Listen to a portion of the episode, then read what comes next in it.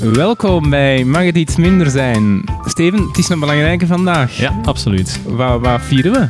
We vieren vandaag onze 50ste verjaardag, eh, 50ste aflevering. 50ste aflevering. Ja. Woe! Vuurwerk. Fantastisch. En ik Ja, heb daarvoor...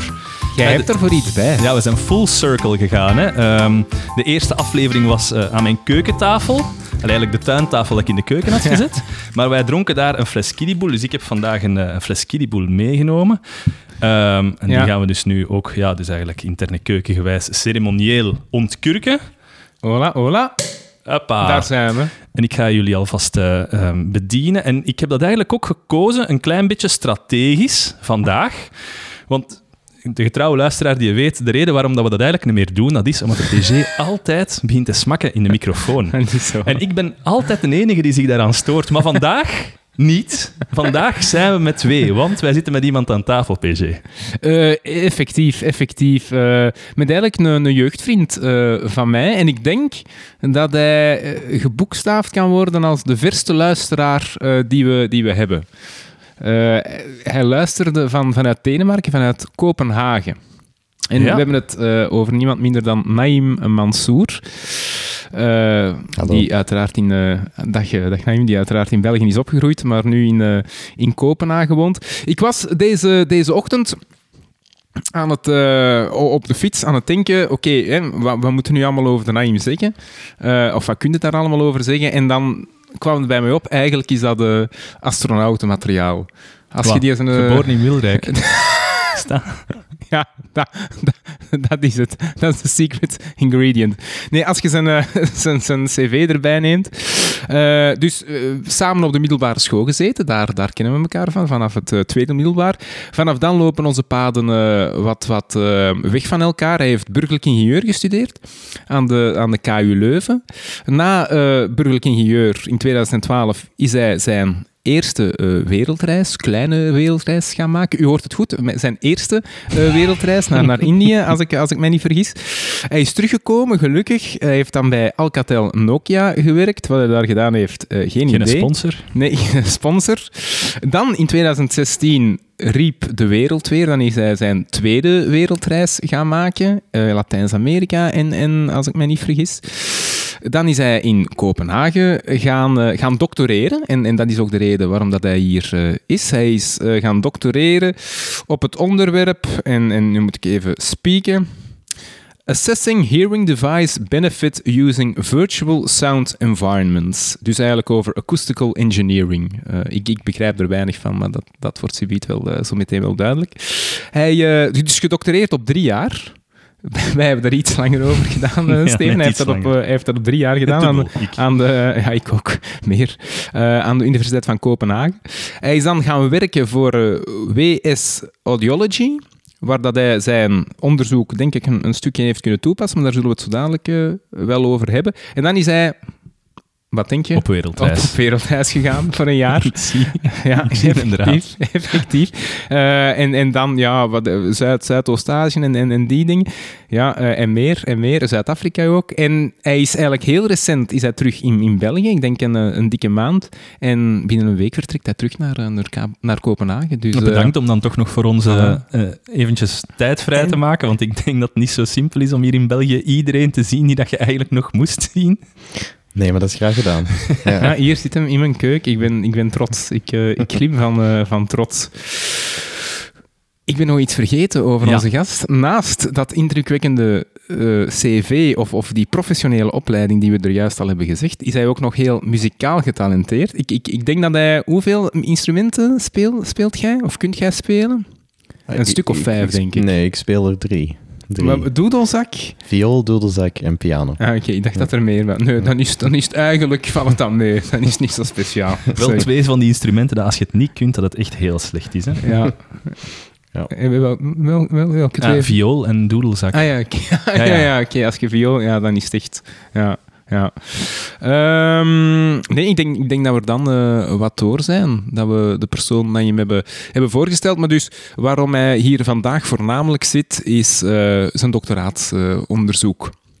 over, eh, ja, ik zeg het, acoustical engineering. Ja, ik heb, het, ik heb enkel daar vragen over eh, gesteld hoor. Over dat onderwerp. Want voor de rest ga jij straks mogen toelichten hoe dat, dat specifieker was dan, eh, dan acoustical engineering. Misschien om, om eh, te beginnen heb ik een belangrijke vraag voor u, Steven. Ja. Hoeveel keer heb jij in uw leven Proest gelezen?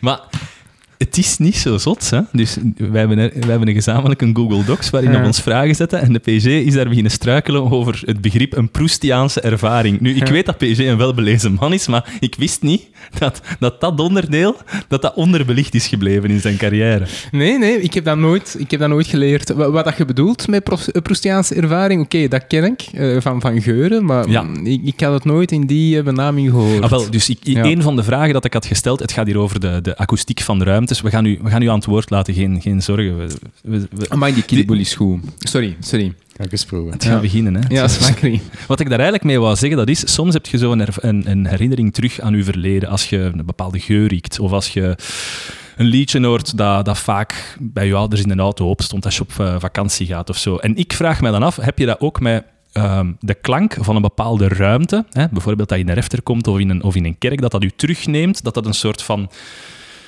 ehm, En, en, en spreekt u uit ondervinding? Heb je dat Nee, nee eens het is, dit is een oprechte vraag. Dat, dat dat ook een soort van zintuiglijke beleving kan zijn dat u terugneemt naar het verleden. Heb jij dat al zo ervaren, ehm Naim? Goh, ik, ik denk dat dat vaak zo kan zijn met muziek bijvoorbeeld. Maar dat is dan effectief, dat is een geluidsfenomeen, maar dat kan veel emoties aanspreken die gerelateerd zijn aan ervaringen die je had in het verleden als je die muziek ook toen hebt gehoord. Uh, maar echt over de akoestiek van een bepaalde ruimte, denk ik dat het dan meer gaat misschien over de inhoud van die ruimte. Als je het hebt over een kerk, als je het hebt over een, um, een woonkamer waar een tv aan het uh, geluid maken is, dan gaat het meer over wat je hoort in die ruimte en denk ik niet zozeer per se over de exacte akoestiek. Die kan wel bevorderlijk zijn, uh, of het omgekeerde ervan voor je ervaring natuurlijk, maar lijkt me dan eerder over de elementen. En, en dat is ook vaak een onderwerp van onderzoek trouwens. Hoe karakteriseren we elementen in een bepaalde ruimte, net zoals we dat doen met visuele objecten? Hoe maken we akoestische objecten van een omgeving? Als we bijvoorbeeld in een luide omgeving zijn, zoals een café of een restaurant, um, hoe categoriseren we dan alles in ons geluidsveld, zal ik maar zeggen, zodat we dat mooi kunnen opsplitsen en focussen op de elementen waar we willen op focussen en al de rest onderdrukken. En je bedoelt dan, uh, want je, je maakt er een vergelijking met het visuele, wat mm -hmm. we dan visueel doen met rood, blauw, kleuren gewoon, zo, zo categoriseren? Of, of... Nee, het kan nog specifieker. Het kan gewoon gaan over deze fles kiedeboel op de tafel.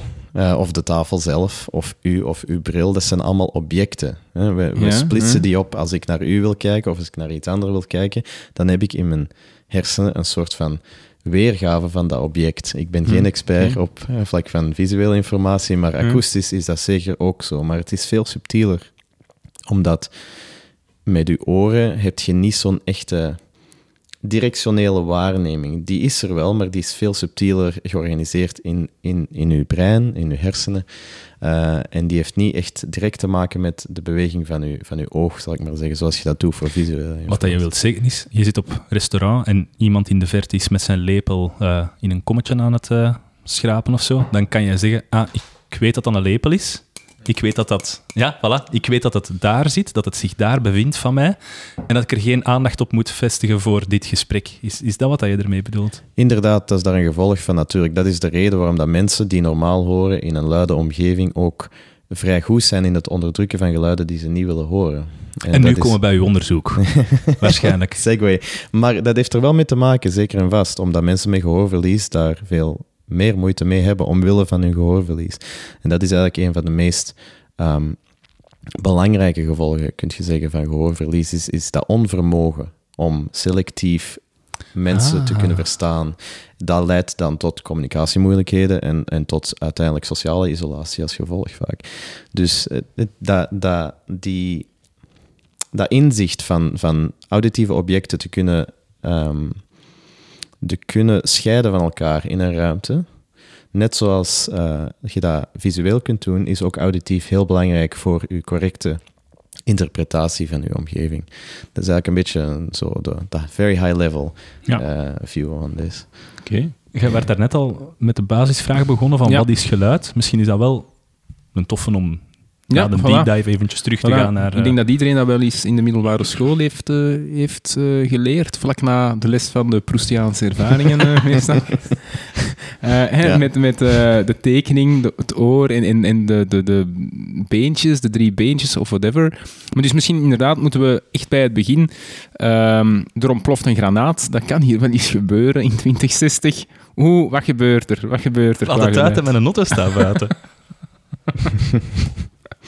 Goh, in, in, ik denk dat heeft ook een beetje met chemie te maken, dus ehm, daar ga ik een benadering van doen. Maar eh, een chemische explosie die leidt tot een hele snelle expansie van materie, van moleculen. En dat veroorzaakt natuurlijk een disruptie in de ruimte waarin die granaat ontploft. Dus als er in de ruimte waarin die granaat ontploft, meestal hier, eh, gewoon in de straat, eh, Meestal. of bijvoorbeeld al lucht aanwezig is, dan moet die lucht ergens naartoe. Die moleculen in de lucht moeten ergens naartoe. Dus die beginnen zich uit te zetten of die beginnen... eh, dat veroorzaakt dan een zogenaamde schokgolf. Dat is nog net iets anders dan een echt gewone geluidsgolf, omdat dat zo abrupt gebeurt.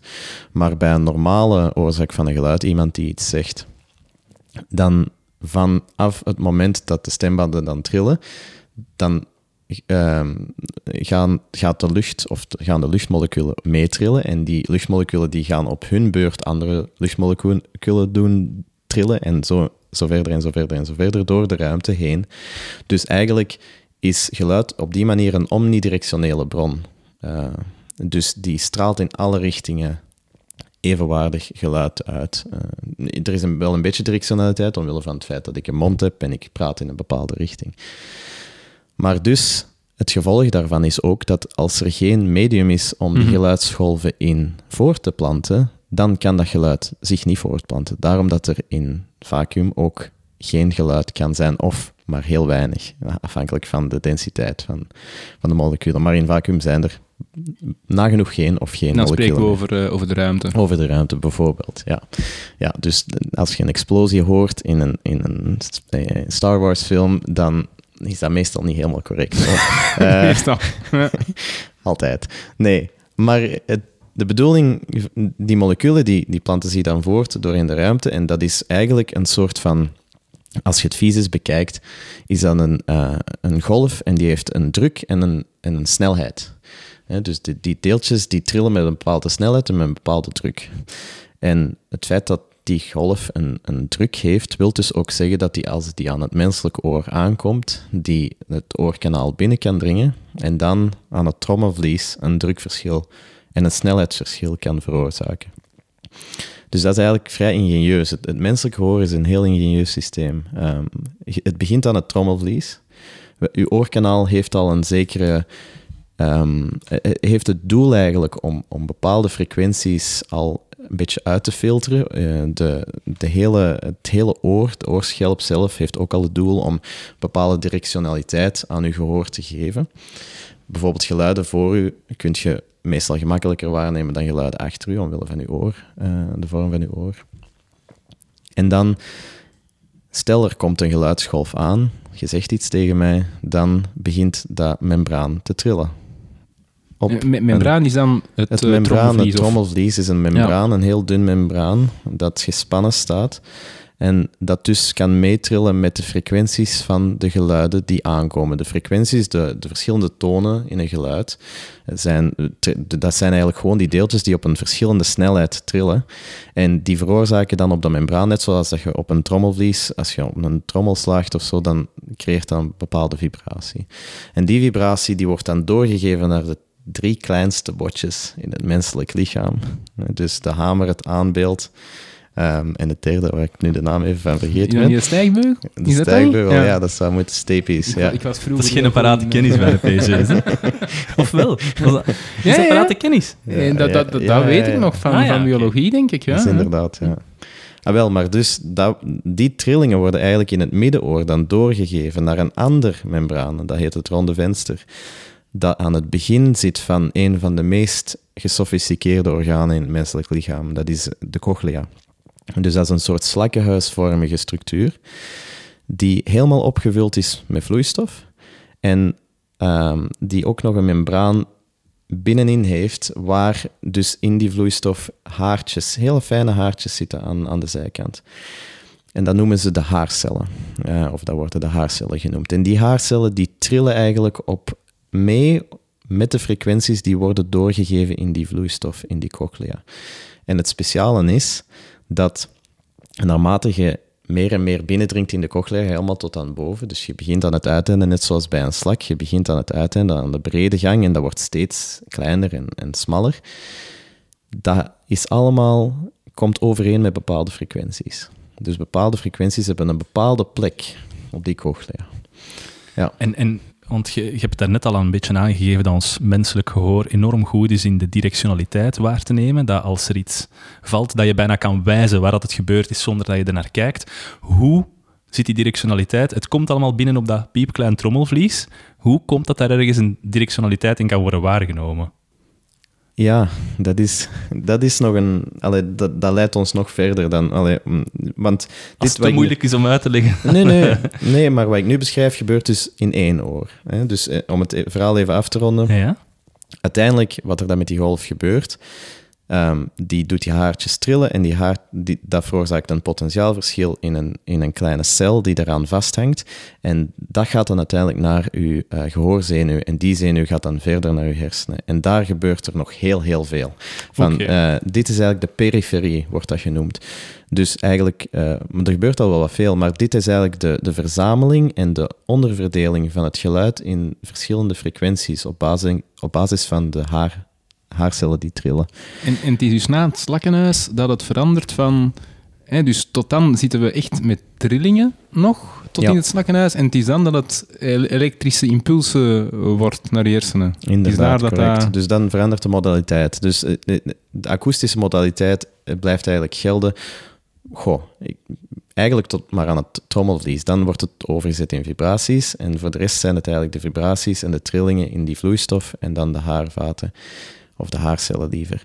Maar om op uw vraag te antwoorden, je hebt dus twee oren. En dat is eigenlijk een van de meest fundamentele redenen waarom we twee oren hebben, ook waarom we twee ogen hebben, om stereoscopisch te kunnen dat zien. Dat is dieptezicht. Allee, dat is het equivalent van dieptezicht dan. In heel uh, ruwe termen wel. Uh, want wat dat je kunt doen, bijvoorbeeld, um, als je een geluid ergens waarneemt, dan gaat dat geluid naar u toe reizen op de manier die ik net beschreven heb. En dat gaat aan uw oren aankomen, maar dat gaat op een heel klein verschillende tijd aankomen uh, aan uw rechteroor in vergelijking met uw linkeroor. Och ja. Dus dat noemen ze een interoral time difference of een interoral uh, tijdsverschil.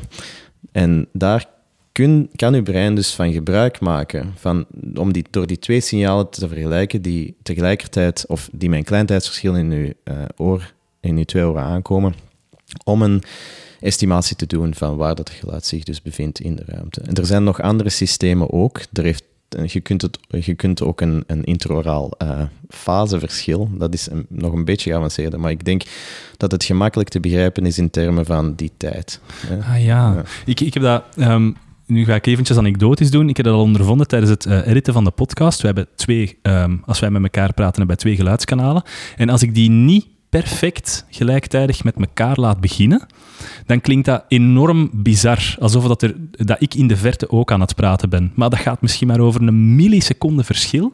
Um, dus als, als, ik, als, ik uw, als ik uw sound niet mute, dan komt mijn, mijn stem via uw microfoon ja. ook binnen. En daar zit een verschil tussen van een paar milliseconden of zoiets. Gewoon en qua afstand bedoelt je dan? Omdat gewoon, ja, die, die afstand ook. langer maar ook als ik het geluid niet samen laat beginnen, Ja. en dat, dat er maar een heel klein verschil tussen zit, dat geeft een heel eh, bijzonder gevoel om naar te luisteren. Heel onaangenaam gevoel. Maar je- dus je zegt dat is enorm belangrijk, maar je hebt ons daarnet... net al dan niet in vertrouwen meegedeeld dat je doof bent aan één kant, aan, aan je linkerkant, Mhm. had je. Ja. Dus bij u is die directionaliteit, is dat vaak een probleem? Of niet? Ja, absoluut wel. Ah. Ehm, Maar, maar do- doof eh, bijna doof. Ik, Ah, ehm, echt bijna doof? Ah, oké. Ja, toch Dat, fundamenteel. dat is dan progressief? Of, want ik dacht dat vroeger dat dat nog meeviel. Een klein beetje progressief, maar de oorzaak was wel plots. Dus eh, dat is niet de zal ik maar zeggen, de gangbare manier waarop mensen meestal met gehoorproblemen te maken krijgen.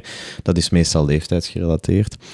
En uh, leeftijdsgerelateerd gehoorverlies heeft meestal tot gevolg dat eerst de hoge frequenties um, worden aangetast en niet zozeer de lage. Bij mij zijn het eigenlijk alle frequenties die, die ongeveer evenredig aangetast zijn.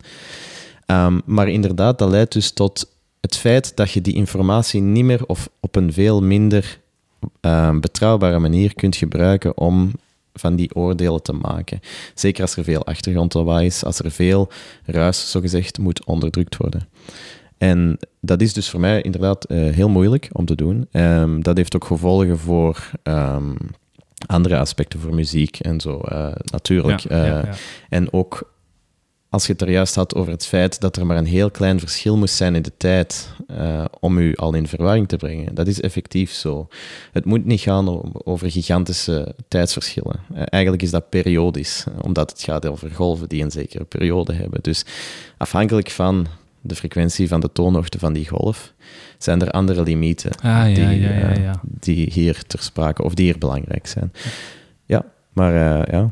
Ja, we dat daarnet al. Hè. Uh, Pieter Jan was aan het koken. Ik zat naast jou. Ik zei iets tegen jou. En jij dacht dat Pieter Jan iets zei. En, dat was dus, en, en toen, toen is dat je het gezegd had tegen mij van ah ja, dat kan soms gebeuren. Uh, maar ik heb dat nog nooit... Ik heb dat nog nooit... bij stilgestaan? Of, nee, nog nooit bij stilgestaan. Ja, en ook, ook nog dat, dat, dat, probleem nog nooit gezien in de dagelijkse... Maar oké, okay, de mensen zeggen dat ook niet zo vaak. Maar wij zitten in, natuurlijk over een podcast over dat onderwerp, dus ik snap wel dat dat gezegd wordt. Ja. Mm -hmm. Nee, maar dat is, dat is, dat is, ik vind het wel een heel goed punt dat je maakt, want um, het is heel subtiel. Gehoorverlies is, is heel subtiel. En um, gezichtsverlies is, is vaak nog iets, um, iets meer begrepen. Of je kunt een bril dragen of je kunt lenzen dragen. En het is, de meeste problemen met zicht kunnen deze dagen toch wel worden opgelost. Niet allemaal, maar veel ervan toch. En, en gehoorproblemen zijn veel subtieler. Uh, dat is gewoon het onvermogen om deel te nemen aan een conversatie, bijvoorbeeld. Omdat je niet ja, ja. juist kunt horen van waar het gesprek komt. Je kunt misschien bepaalde medeklinkers of klinkers of beginnen van woorden niet verstaan. En dat is heel belangrijk, zeker in een conversatie met achtergrondgeluid. Dus het feit dat je dat niet kunt doen, heeft tot, gevolg dat je eigenlijk meer tijd nodig hebt om deel te nemen aan die conversatie, waardoor dat je vaak eigenlijk geïsoleerd geraakt. Dus dat is een heel subtiel probleem, maar een, een heel fundamenteel en trouwens een vrij wijdverspreid probleem ook uh, in, okay. de, in, de, wereld van vandaag. Ja, ik, ik las op uh, Wikipedia, dat is de enige research die ik vandaag gedaan heb trouwens, uh, op Wikipedia lezen hoeveel, dat, hoeveel mensen dat er nu met dat probleem uh, kampen, natuurlijk gehoorverlies hè, is, is een, een hele scala aan, aan mogelijke problemen, uh, maar dus gehoorverlies, hè, dus van ja, een paar procentpunten zeker tot, tot uh, volledig doof, dat, dat is iets van een, een ja, ik ben het eigenlijk vergeten. Ik dacht een, een miljard of zoiets. Uh, mensen die, daar, die daarmee kampen. Allee, dus een ontzettend... Uh, ja, ik denk dat zoiets wel een ontzettend grote hoeveelheid. Okay. Nogmaals, dus dan gaat het ook over uh, beperkt, beperkt hoorverlies. Hè, maar het, het, het, ja, het komt eigenlijk heel wijd verspreid voor. Ja, ik denk dat de Wereldgezondheidsorganisatie voorspeld heeft dat... ik denk, als je het dan hebt over gehoorproblemen die een, een substantiële impact hebben uh, hebben op je leven, zal ik maar zeggen, dat er tegen 2030 of 40, daar moeten we nu niet op vastpinnen, maar dat er inderdaad 500 miljoen mensen op de wereld, dus minder dan een miljard, maar waar ze echt een gevolg van ondervinden in hun dagelijks leven. Dus dit is een probleem dat, dat groter aan het worden is. En zeker ook in de wereld van vandaag, waar er heel veel, die steeds luider wordt en die ook steeds meer gevuld raakt van technologie, waar geluid rechtstreeks in uw oorkanaal kan worden gepompt op een artificiële manier en vaak niet gecontroleerde manier, waar mensen zelf voor kunnen kiezen om dat gewoon zo luid te zetten als ze willen. Dus dat zijn eigenlijk zo'n beetje de... Dat is de context waarin gehoorverlies waarschijnlijk nog een, een, een veel groter topic gaat worden in de, komen, in de komende jaren. Dus je zei, ik, ik, wil daar zeker, ik vind dat zo'n interessant onderwerp om op voor te bouwen, maar je zei daarnet dat um, bij het klassieke verouderingsproces dat mensen de hoge frequenties verliezen. Ik denk dat wij dat allemaal een beetje wel kunnen zien tijdens de CM-testen, dat je heel hoog kon gaan in de geluidstesten, uh, in, in, de, in, de, in de frequenties. Um, maar dat, dat dat bij oudere mensen minder is. En ik heb dus al gehoord van mijn, mijn grootouders, uh, allee, uh, zaliger, die dat dan een... Um, een, een gehoortoestel kreeg. En, en mijn grootvader die zei van ja, uh, ik hoor wel alles beter, maar het is allemaal zo scherp. Gewoon Hmm. omdat hij waarschijnlijk al twintig jaar niet meer gewend was aan die hoge, hoge tonen. Ja, dat is een, een, een, allee, dat is een opmerking die, die vaak wordt gegeven eh, bij mensen die voor het eerst een gehoorapparaat krijgen na lange tijd. Maar dat heeft denk ik wel met verschillende factoren te maken. Ten eerste is het inderdaad het feit dat ze al heel lang gewend zijn aan een, een wereld zonder hoge frequenties in. En om daaraan gewend te raken, en dat kan zeker, maar dat duurt gewoon even, dat is vaak niet zo gemakkelijk voor mensen. En dat kan vaak een soort van aversie creëren tegenover dat apparaat. Die zetten dat uit. Ja. Ja. en dat is een van de moeilijkste dingen, want je kunt een, een ongelooflijk goed apparaat ontwerpen dat fantastisch werkt en je gehoor volledig perfect herstelt, maar als mensen het niet willen gebruiken, dan maakt het allemaal niet uit natuurlijk. dus daar, daar zit een groot probleem, de sensibilisering en de training van mensen, zeker die al lange tijd een gehoorverlies hebben, om die dan terug aan dat geluid van de wereld gewend te laten raken. En anderzijds, als ik dat ook even mag benadrukken, is het ook gewoon zo dat hoorapparaten in het huidige stadium van hun technologische, technologische ontwikkeling nog vaak artefacten hebben, eh, nog vaak hoogfrequente artefacten kunnen introduceren, op basis, alleen, gebaseerd op welke algoritmes of welke technologie. Ik ben niet mee met wat je wilt zeggen. Ah, sorry. eh, Artefacten. dat, dat, ze nog, dat er nog vaak in, in zal ik maar zeggen, het, het, het geluid dat zij in uw oor afspelen, op basis van het geluid dat zij opnemen in de wereld, dat daar nog vaak ehm, restantjes of, of, of foutjes kunnen in zitten. En die vaak van hoogfrequente aard zijn. Een klein geruis of klein kliksjes. Op basis van alle geavanceerde processing die wordt toegepast in, in, binnen in het apparaat.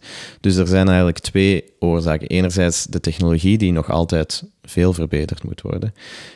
Ehm, en anderzijds ook de gewenning van de mens zelf, van de, van de, ja, van de gebruiker. Wat, wat ik mij nog aan het afvragen was de reden waarom dat die de hoge frequenties eh, eerst verliezen. Is daar een, een bepaalde reden voor? Dat zit dan op een bepaalde plaats in dat slakkenhuis? Is dat gewoon eh, daar, daarom omdat dat gevoeliger is? Of is dat evolutionair dat je dat minder nodig hebt eh, naarmate dat je ouder wordt? Goh, ik, ik denk dat ik daar niet op volledig op kan antwoorden. Het is zeker zo, de, hoogfrequ de hoge frequentie zit dan aan het begin van het zakkenhuis. En dat gaat dan lager en lager naarmate je binnenin dringt. Dus die staan het meeste bloot aan ehm, overexposure, aan te luide geluiden. Dat is absoluut een feit. En dat is waarschijnlijk een van de hoofdredenen. Uh, het is zeker ook zo dat in, om te overleven, de regio waarin spraak menselijke spraak zich bevindt, tussen 1000 hertz en 4000 hertz algemeen genomen, is nog niet zo heel hoogfrequent. Dus de ho- echt hoogfrequente regio's bevinden zich tussen 4000, 8000 en zelfs eh 10.000 of 12.000 hertz. En dat zijn de eerste regio's die beginnen. ehm, En wat zijn die? Wat zit daar ongeveer in? goh, ehm, ik kan een De voorbeeld baby geven. dat weent bijvoorbeeld? Zitten we ja, daar? nee, het gaat echt over, over de aard, de, de frequentie. Dus als ik nu aan het spreken ben, eh, mijn basisfrequentie, als ik nu iets aan het zeggen ben, is misschien ergens tussen 600, 700 hertz. Maar een heel hoogfrequent geluid, dat is shh. Dat is zo'n geluid. Dat is een geluid dat heel snelle frequenties in zich heeft. Mhm. Dus die geluiden die gaan eerst verdwijnen. Ehm, lagere geluiden gaan langer blijven. Maar natuurlijk, aangezien elk geluid dat in de echte wereld bestaat opgebouwd is uit heel veel verschillende frequenties, gaan geluiden die je hoort anders beginnen te klinken. Het is niet dat je bepaalde geluiden helemaal niet meer hoort en andere geluiden nog Ja, wel, maar ja. alle geluiden gaan veranderen. En dat is een beetje, naarmate je ouder wordt, gaat dat op termijn ook de frequenties beginnen te beïnvloeden waarin dat je spraak verstaat. En wanneer dat, dat begint te gebeuren, dan beginnen die communicatieproblemen dus eh, op te treden. Omdat je dan mensen hun spraak niet meer zo goed gaat kunnen verstaan. Dat is een hele ruwe uit- uitleg en ook alleen gebaseerd op het concept van hoorbaarheid van een geluid. Er is ook nog zoiets als vervorming van een geluid. Dus hoorbaarheid is hoe luid je een geluid kunt horen zonder achtergrondlawaai. Vervorming is hoe luid of hoe goed je iets kunt verstaan in de aanwezigheid van achtergrondlawaai. Dus dat zijn verschillende fenomenen die eigenlijk door één apparaat allemaal moeten geprobeerd eh, Ja. op te lossen. Maar het, het, is wel, ja, het is wel gek. Allee, iedereen weet dat we meer worden blootgesteld aan, aan geluid dan vroeger en dat dat ook veel makkelijker is. Vroeger moest je... Als je een Walkman had, dat was al veel moeilijker om te gebruiken dan gewoon Bluetooth-oortjes.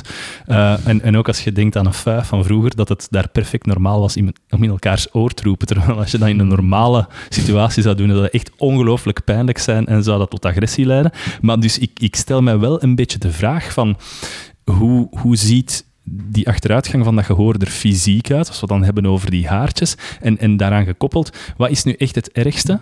Het ergste voor, voor uw gehoor, is dat korte, luide tonen? Of is dat een langdurige blootstelling aan bijvoorbeeld luisteren op een podcast op de trein en daar uren naar luisteren op een redelijk laag niveau wel? Ja, ja wel de fysieke impact van, of, of, of de fysieke oorzaak, van, zal ik maar zeggen, van, van gehoorverlies in de periferie, want er zijn nog andere oorzaken ook. Er is de, de, de middenoor, de beentjes in de middenoor kunnen ah, een probleem veroorzaken, maar als je het echt hebt over de cochlea, dan is dat eigenlijk gerelateerd heel cru aan het afsterven van, afsterven van die haarcellen. je hebt twee soorten haarcellen, buitenste haarcellen en binnenste haarcellen. De buitenste haarcellen die bepalen eigenlijk meer uw echte gevoeligheid aan bepaalde frequenties. Ehm, hoe goed dat je twee frequenties van elkaar kunt onderscheiden. De binnenste haarcellen, dat gaat eigenlijk meer over de geleiding van het hele signaal. Dus als uw binnenste haarcellen afsterven, dan verliest je eh, op veel fundamentele manier uw gehoor dan wanneer de buitenste haarcellen afsterven. En bij leeftijdsgerelateerd gehoorverlies zijn het in eerste instantie de buitenste haarcellen die langzaam beginnen af te sterven. over de anatomische en fysiologische oorzaken daarvan, daar uh, kan ik niet zoveel over zeggen. Maar, dat is voor mij al duidelijk hoor. Ja. nee, maar ja. Maar en, en hoe werkt dat dan? Want gecompenseerd dan, dan met, een, met een hoortoestel, maar die, die frequenties, hè, want dat, dat hoortoestel capteert dan, capteert dan de frequenties in, in de ruimte en geeft dat dan door op een, op een andere frequentie dan, want de, de, de uh, haartjes die dienen voor die bepaalde frequentie, die hogere frequenties zijn dan afgestorven, dus dat kunnen we toch niet meer compenseren? Of, of hoe kunnen dan die hogere geluiden wel terug, terug horen? Ja, Misschien is afgestorven niet de juiste manier om het uit te drukken, maar ze zijn veel minder gevoelig gemaakt. of, ja. Ehm, ja, dus ze kunnen nog wel geluiden opvangen, maar dat moet dan aan een hoger niveau worden gepresenteerd, aan een hogere amplitude, aan een hoger volume. Dus de manier waarop een gehoortoestel dat in eerste instantie kan doen, de, de intuïtieve uitleg daarover is bijvoorbeeld, ik neem een geluid op van een bepaalde frequentie. Uh, ik weet hoeveel gehoorverlies die persoon op die bepaalde frequentie heeft.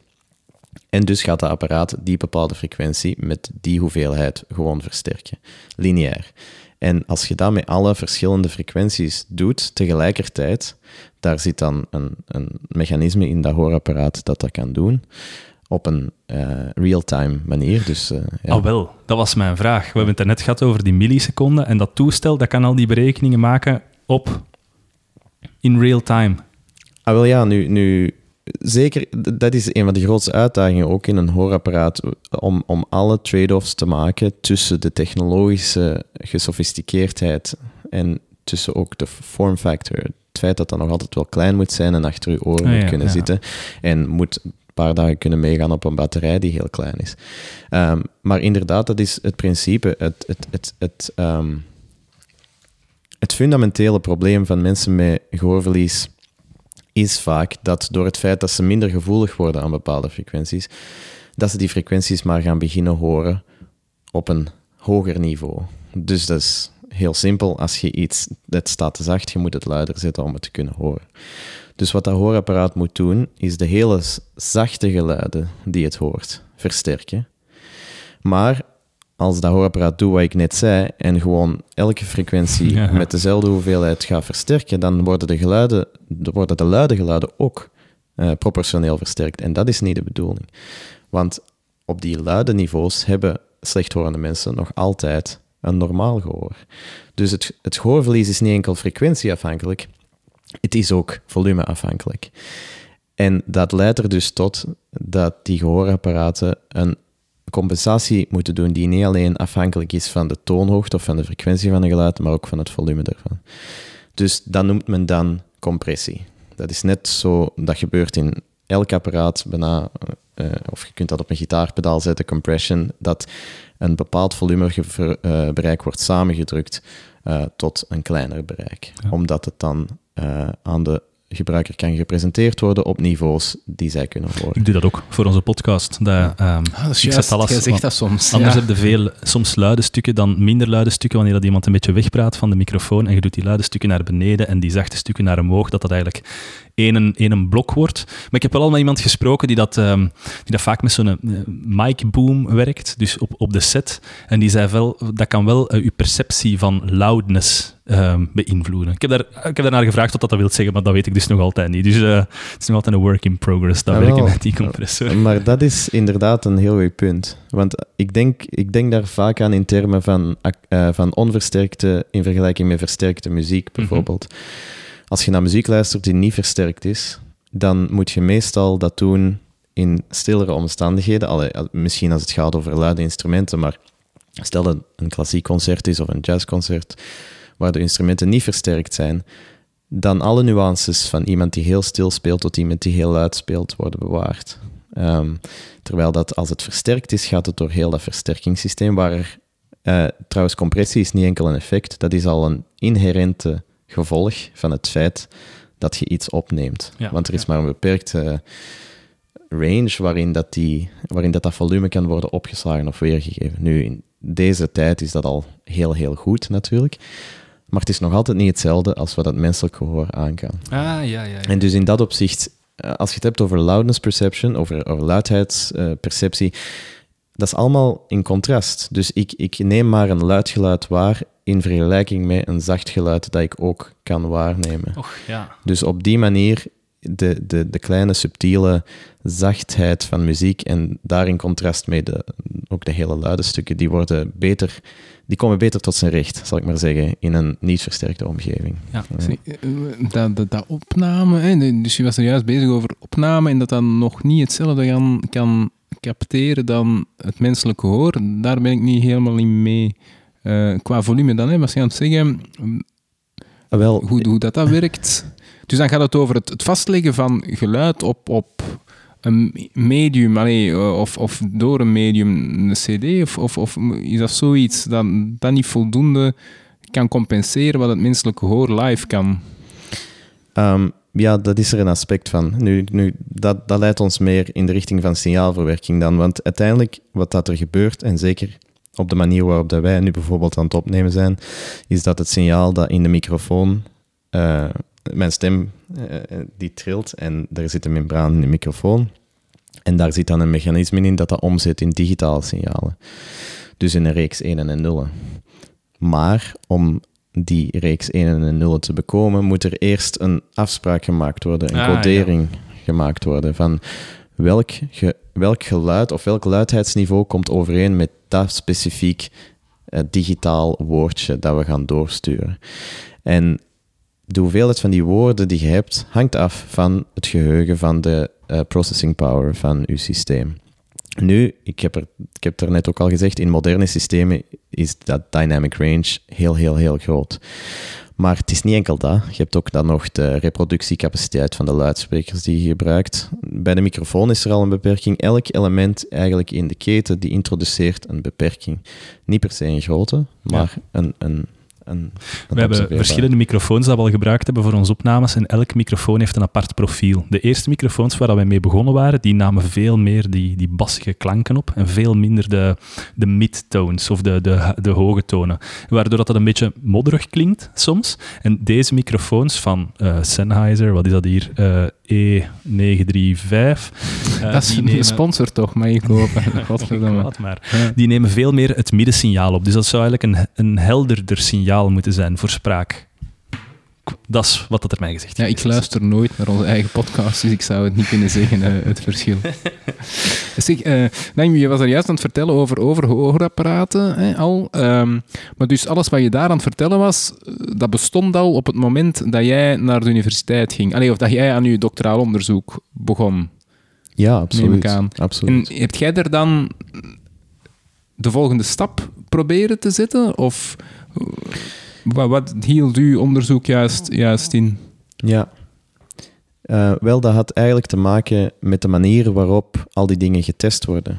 Dus als iemand met gehoorverlies bijvoorbeeld naar een audioloog gaat en ze gaan daar een gehoortest doen om te bepalen wat het juiste profiel zou zijn voor een gehoorapparaat, dan gebeurt dat meestal op een vrij artificiële manier. Meestal gebeurt dat uh, met hoofdtelefoons in een cabine, geluidsdichte cabine.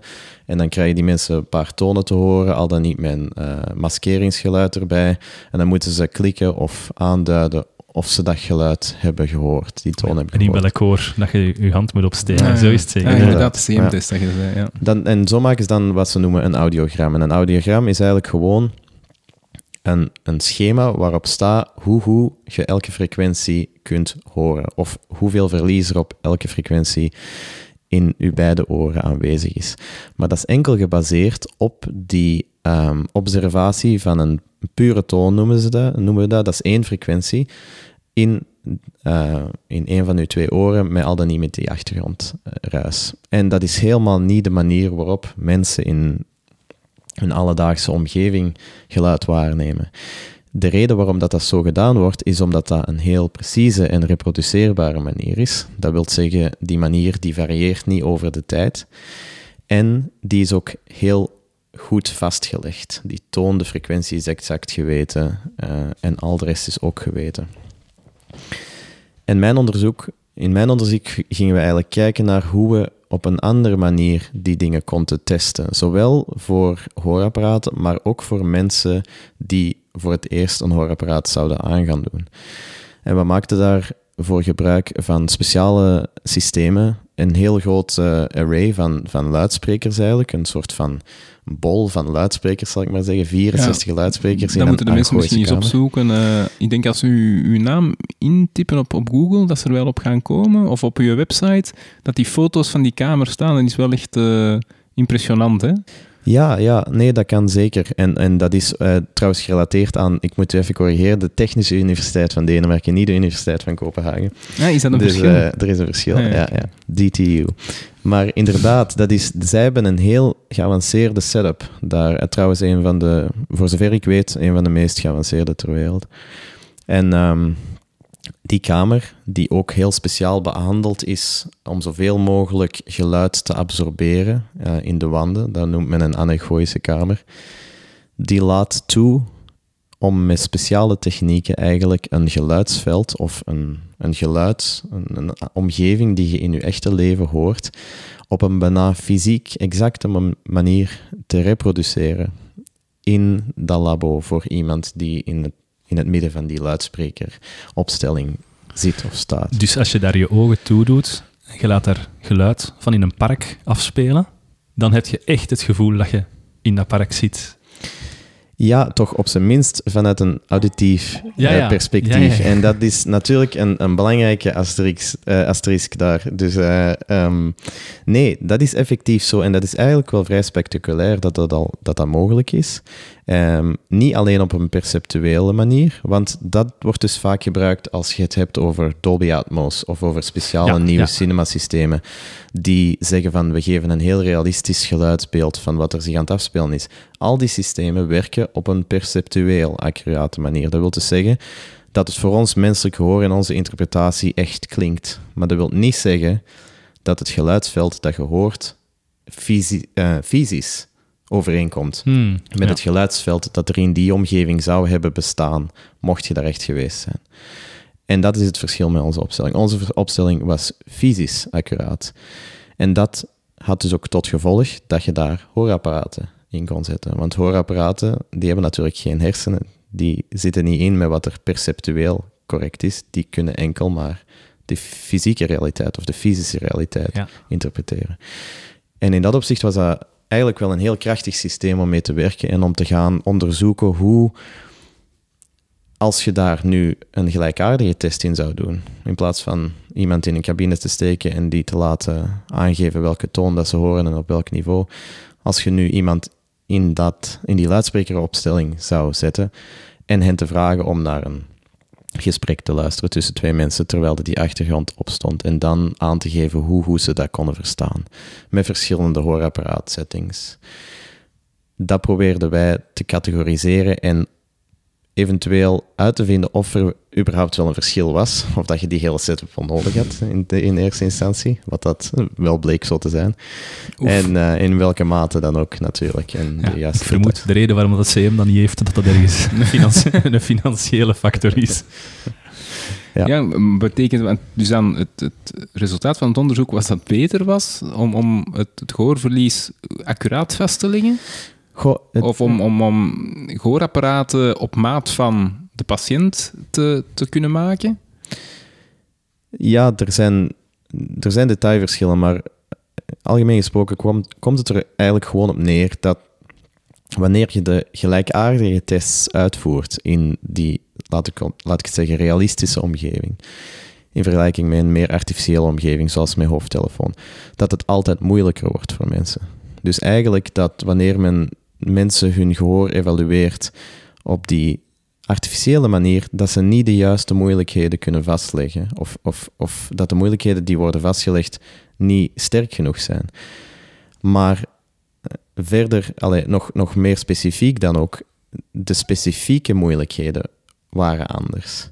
Dus als je dan een hoorapparaat gaat instellen op een resultaat dat gebaseerd is op een heel artificiële manier van onderzoek, dan kun je de vraag stellen, gaat dat hoorapparaat überhaupt iemand echt wel helpen in de echte wereld? En dat bleek met onze methodologie eh, veel meer overeen te komen. ja. Mag ik het proberen?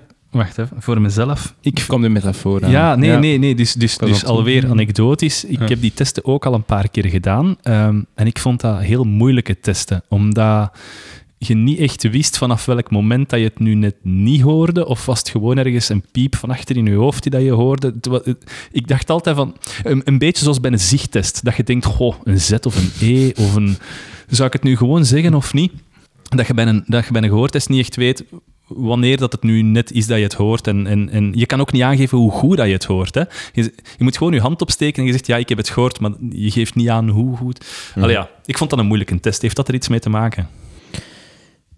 Ja, zeker wel. Allee, eh, daar zijn ook wel ehm, oplossingen voor. Eh, Hmm. Dat weten de meeste mensen niet, maar als je zo'n test doet, dan schrijven ze niet gewoon je antwoord op. Er is een speciale procedure waar dat je een bepaald aantal keren juist of fout moet antwoorden eh, Ah. in successie voordat er een omslag gebeurt.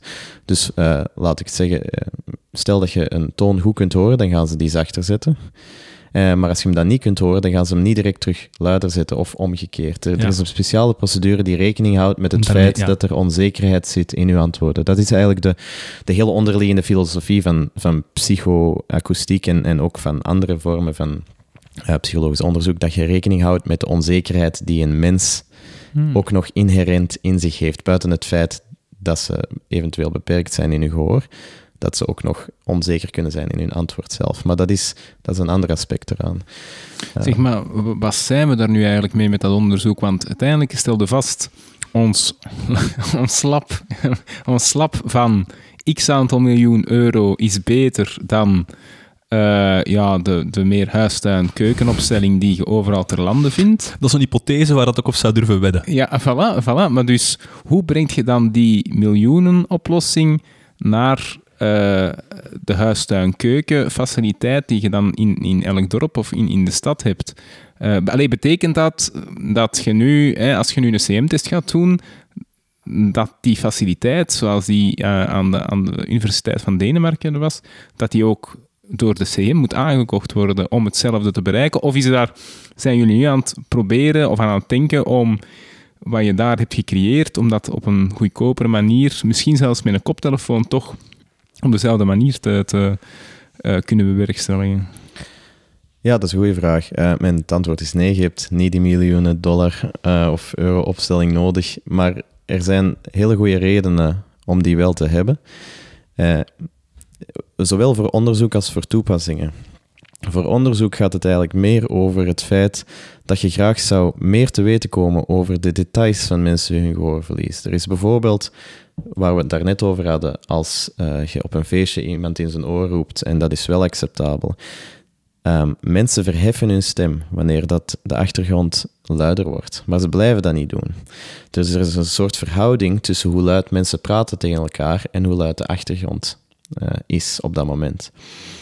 Ehm, en dat leidt ertoe dat mensen op een bepaald niveau praten, afhankelijk van het niveau van de achtergrond. Nu, mensen met gehoorverlies, die, zoals ik er straks al zei, die kunnen niet zo goed conversaties eh, al volgen, omwille van allerlei redenen eh, gerelateerd aan hun hoorverlies. Dat wil dus ook zeggen dat die op een andere stemhoogte meestal communiceren, of een volume. Omdat die een andere indruk hebben van wat het er correct is en aanvaardbaar. Om zoiets te testen in de echte wereld is enorm moeilijk om dat te controleren. Dus de eerste toepassing van zo'n lab is eigenlijk om een, om een simulatie te kunnen maken van echte wereldomgevingen op een reproduceerbare manier, waar dat je dus mensen voor de rest helemaal kunt ehm, controleren, zal ik maar zeggen.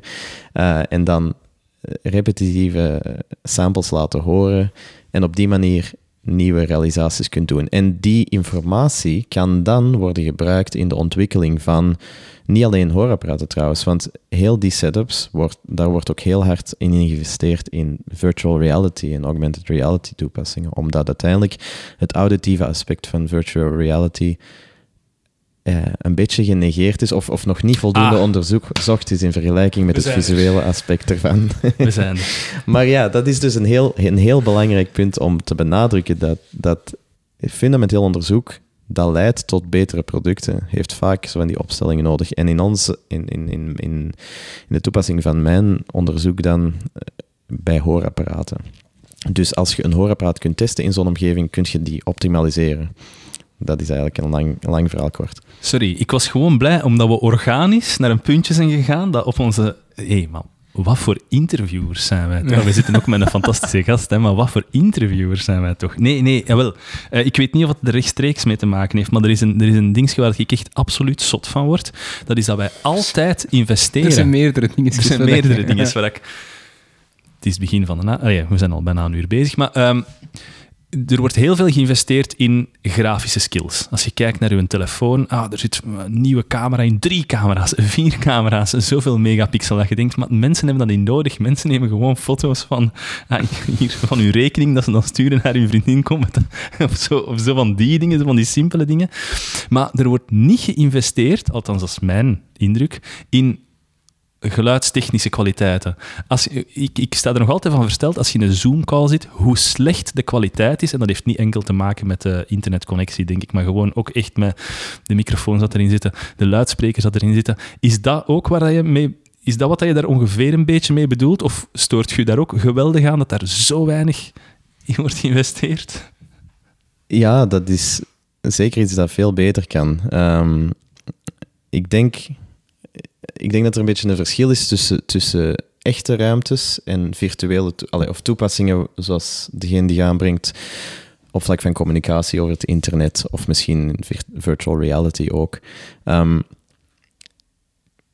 ja, ik denk, mens is meer, denk ik, visueel ingesteld. Uh, vind van, van oudsher al. En ook als je iemand de vraag stelt, zou je liever blind zijn of doof, dan zullen de meeste mensen antwoorden doof. Maar dat is misschien een filosofisch aspect eraan. Ik denk meer concreet is het ook gewoon moeilijker vaak om um, audio te optimaliseren met de kennis die er tot op de dag van vandaag is in zo'n setting dan visuele aspecten. Zeker als je het hebt over een Zoom-gesprek, uh, een video, dat kun je gewoon, je moet, allez, je moet iemand zijn gezicht opnemen, dat moet in goed genoeg kwaliteit zijn.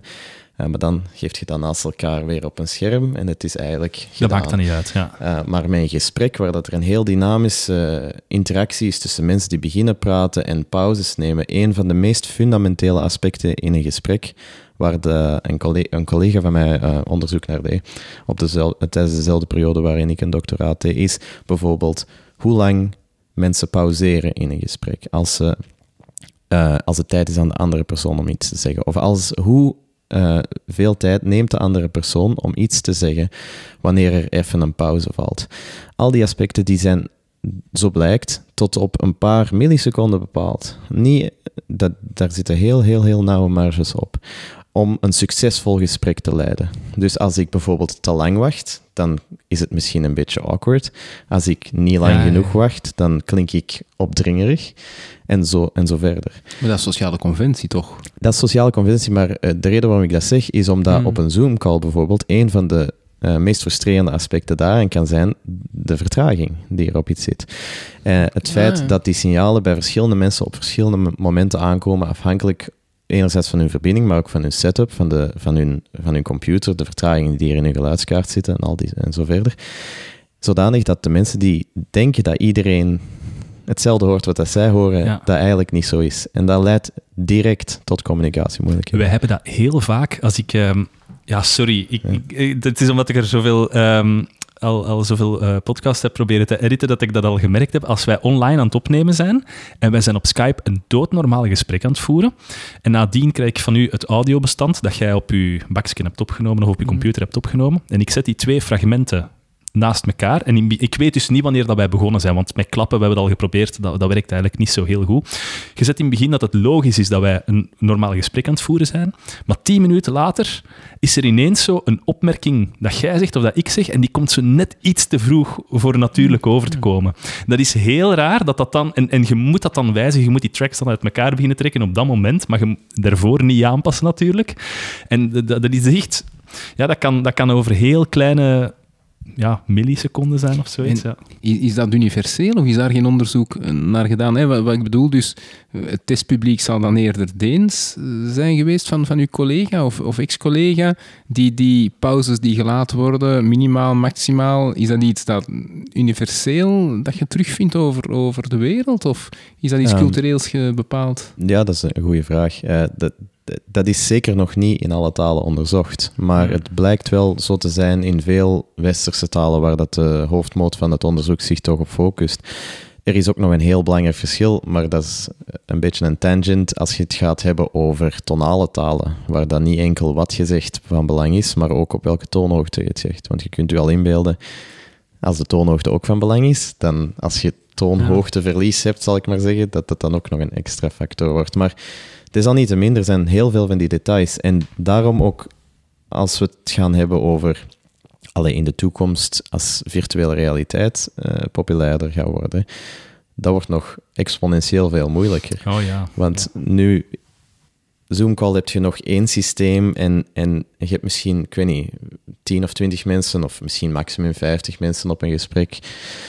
Ehm, in een virtuele wereld moet je potentieel kunnen interageren met bijna iedereen die je tegenkomt. En dat is elke keer een andere setup. Dus er wordt heel, heel, heel veel geïnvesteerd in fundamenteel onderzoek momenteel naar al die aspecten. Niet alleen van het visuele, maar ook het auditieve. ehm, in zo'n soort van luidsprekeropstelling, omdat die dus de kracht hebben om echte werelden op een gecontrole- een gecontroleerde manier te reproduceren. En, en die virtual reality, is dat zo die een 8K? Een paar jaar geleden had je eh, ja, ineens zo'n hype. Ik weet niet of dat jij eh, dat hebt Van bewust film, hebt meegemaakt. Nee, ehm, eh, dus zo mensen die elkaar mailt. Ik kreeg zo'n mailtje van, van mijn patroon, van, van de Floris binnen, van hey, dit moet je eens beluisteren met een koptelefoon op. En ik dacht, ja, het zal, het zal wat zijn. Maar hè, dus, en je zet je op en, en je hoort een basketbal. En effectief, allee, die klinkt precies wel voor u, maar zwart. En dan begint die een basketbal rond u, dus hè, dribbelend, rond u te draaien. En ik vond dat echt zot, omdat je inderdaad gewoon zegt, gewoon, twee bronnen. Allee, als je een koptelefoon hebt, is, is dat daar waar dat men dan mee bezig is? Dat, dat komt dan misschien niet twintig jaar geleden. En daar heeft men dan nu... Ah, wel ja, nee, dat is, dat is inderdaad. Er zijn eh, wederom heel veel aspecten aan, maar de basis hierachter kan, kun je ook al bereiken met waar dat we het er straks over hadden, een interoraal tijdsverschil. Als ik gewoon dat geluid op verschillende momenten afspeel tussen mijn beide oren, dan kan ik het doen lijken alsof dat de bron van dat geluid zich verplaatst rondom. Ah, oké. Dus dat is een heel simpele manier. Maar het grote probleem, dat is trouwens eigenlijk het probleem waar dat Meta, Google, die bedrijven zich nu op zitten te focussen, is de externalisatie van het geluid. Want als je een hoofdtelefoon op hebt, wat dat je meestal toch nog wel doet, eh, met een VR-headset, en zelfs bij luidsprekeropstellingen is dat ook zo, dan hoort je het geluid eigenlijk in je hoofd. Dat kan iedereen zich wel gewaar worden als je naar muziek luistert met een koptelefoon of zo. Je, je- als je begint na te denken van waar komt dat geluid vandaan, dat lijkt in je hoofd te komen. Redelijk dichtbij. Ja, Of ja, toch ja, heel dichtbij. Ik, je hebt niet de indruk dat dat geluid van een bron een paar meter van u vandaan komt.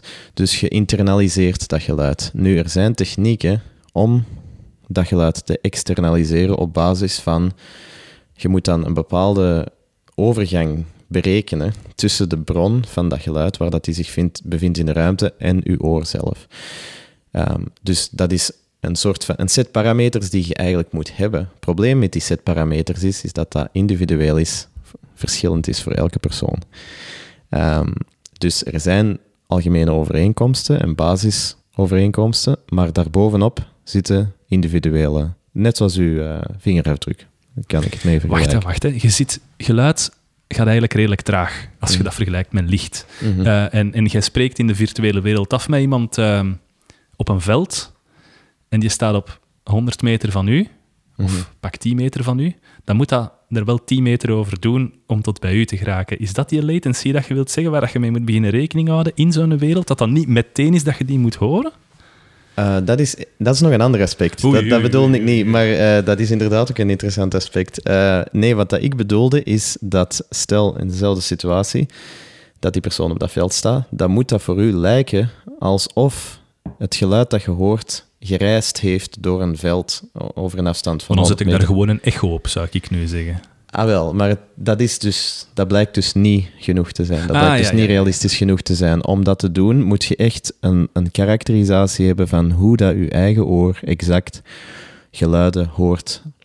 En dat noemen ze een eh, head-related transfer function of een hoofdgerelateerde transferfunctie. En die HRTF's, daar, er is enorm veel onderzoek naar momenteel om die juist te kunnen karakteriseren. Want als je dat hebt, en je kunt die toepassen op iemand zijn hoofdtelefoon, dan heb je ineens het probleem opgelost dat geluiden zich in je hoofd zitten. En kun je die op willekeurige punten buiten je zetten, op een veel geavanceerdere manier dan enkel met die basketbal. Want ik denk, als ik een veronderstelling mag doen, dat in uw geval je die basketbal misschien wel rond je hoorde, maar dat de externalisatieprobleem zich nog steeds wel manifesteerde. Of dat zou toch zo moeten zijn geweest. Ik denk dat hem er geen aandacht op geeft. Nee, nee, nee. Ik was echt volledig amazed, maar daar heb ik niet, eh, niet aan gedacht. Ja. Ik heb, eh, ik heb nog een vraagje. Wij zitten hier nu in Pieter Jan zijn, eh, zijn eetkamer en bij uitbreiding ook living. ehm, met kale muren. Dus deze... Wil jij er iets mee zeggen? Nee, nee, nee, nee. Ah. Het, is, het is hipster, hè? Ah, Dat mag gezegd Oké, worden. Maar dus de, luisteraar hoort het waarschijnlijk wel dat er ergens een, een echo aanwezig is. Ehm, de kamers hebben een zekere akoestiek. Misschien kunnen we daar eens iets over zeggen en over die geluidsprofielen. Eh, wordt daar veel over nagedacht, over de akoestiek van ruimtes? Goh, ik denk meer en meer. Ehm, het is inderdaad zo, als ik even over de fundamenten iets kan zeggen. Eigenlijk de akoestiek van een ruimte wordt in, inderdaad bepaald door hoe geluid zich door die ruimte voortplant. Dus als je een ruimte, laten we zeggen een vierkante kamer hebt met geen meubilair en gewoon rechte muren, dan kan dat geluid zich heel gemakkelijk beginnen reflecteren tegen de muren. Dus dat botst rond in de ruimte, heel gemakkelijk. Waardoor dat, dat geluid zich eigenlijk heel snel rondom u zal bevinden en heel gemakkelijk kan zich voortbewegen zonder uit te sterven. Als je die kamer vol met gordijnen gaat hangen, dan gaat dat geluid elke keer als dat tegen een gordijn komt, gaat dat een beetje geabsorbeerd worden, doordat dat geluid wat meetrilt, sorry, dat gordijn wat meetrilt met die geluidsgolf. Ah, ja, ja. En sterft dat geluid relatief snel uit. Dus de akoestiek van een kamer wordt bijna volledig bepaald door de objecten en door de geometrie van die ruimte. Dus daaruit volgt dan ook dat je de akoestiek van een ruimte heel hard kunt beïnvloeden door de objecten en de materialen in die ruimte te veranderen. En Wel, dat vroeg mij af, sorry dat ik u onderbreek, maar hoe hard kun je dat doen uitsterven, geluid? ah wel, je kunt dat Kun je dat echt doen uitsterven in de zin van dat je zelf niet hoort praten? Nee, dat gaat niet. Wel, je, je zult jezelf altijd horen praten. Dat is een beetje een ander fenomeen, omdat je stem vanuit je lichaam komt. Dus je hebt altijd een resonantie van je stem in je eigen hoofd. Je hebt ook altijd het feit dat je mond zich hier bevindt, allee, in uw hoofd en dat uw oren zich ook in uw hoofd bevinden. Dus het pad tussen uw mond en uw, hoofd, en in Oké. uw oren, dat is vrij klein. Waar het over gaat, is bijvoorbeeld in de ruimte die wij gebruikten voor het onderzoek, een anechoïsche kamer. Dat wil zeggen een kamer zonder echo's. Dat wil, daar zit heel speciaal materiaal op de muren, zo van die spiekjes uit schuim, die op een speciale manier georiënteerd zijn, zodanig dat wanneer geluid daartegen komt, dat dat in plaats van terug te botsen, in die speeches begint rond te botsen en elke keer door dat schuimachtig materiaal wordt geabsorbeerd. Waardoor dat die kamer geen reflecties geeft. Dat heeft dus als gevolg dat uw stem heel, heel, heel droog zal klinken. Want je hoort enkel maar wat dat je in je eigen hoofd hoort en wat dat er van je mond naar je oor beweegt, maar nergens een reflectie tegen de muur. Wat wij nu eigenlijk horen als we in de microfoon aan het praten zijn, eh, zodat het, het stopt meteen. Redelijk bassig en het stopt meteen of zo. Ja, nu hier zit er nog wel een klein beetje reverb op, heb ik de Ja. indruk. Maar het is inderdaad zo dat je vermijdt dat er reflecties komen. En je hebt ook het andere uiterste. Hè? Als je het nu hebt over die andere kamer, waar er alleen maar reflecterende oppervlakten zijn, ehm, dat noemen ze een reverberatiekamer. Dat wordt ook gebruikt voor, voor materialen te testen. En zo, dat zijn de twee extremen. Een anechoïsche kamer waar er geen reflecties zijn en een reverberatiekamer waar dat eh, alleen maar reflecties zijn. En alle andere ruimtes die zitten daartussen. En er is iets grappig eh, aan die twee soorten van kamers, want die zijn in hun eigen ehm, aspect zijn dat luide kamers of zoiets. Want in zo'n kamer met veel echo moet je maar het minste woord zeggen en je blijft... Als mensen daarin tegen elkaar willen praten, gaan ze ook luider beginnen praten. Ehm, verbeter mij als ik Ja, ja. fout ben. En terwijl je als je in zo'n eh aegoïstische... Anechoïsche, ja, ja. ja, anechoïsche kamer zit, ehm, wordt dat ook als luid ervaren, omdat je praat en plotseling denk je van, ik ben hier heel luid aan het praten en begint iedereen stiller te praten, omdat je niet boven die echo moet. Dus in beide gevallen heeft dat een soort van, klinkt dat als luid. Ja, het is ook zo dat je eh, inderdaad, als je in een anechoïsche kamer bent, je plots geluiden begint te horen die je voordien nooit hoorde. Eh, zoals het, het, het zuizen van je bloed in je oren of eh eens. je hartslag. Ehm, dat, is, eh, dat is vrij... Ja, dat is een beetje creepy soms.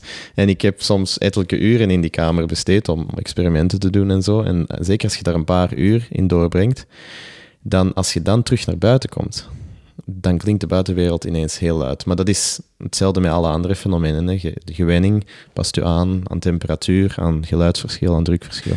Ik heb dat vaak als ik met, eh, met mijn oortjes op, eh, op de trein of, of, of in het openbaar vervoer zit en ik ben aan het luisteren naar een podcast en dan ineens kom ik in mijn bureau en ik doe de deur toe en dan merk ik hoe luid dat eigenlijk het laagste niveau van, van de oortjes wel is. Als er echt Ja. geen achtergrondgeluid is, is dat eigenlijk heel erg luid, zo dat die staan.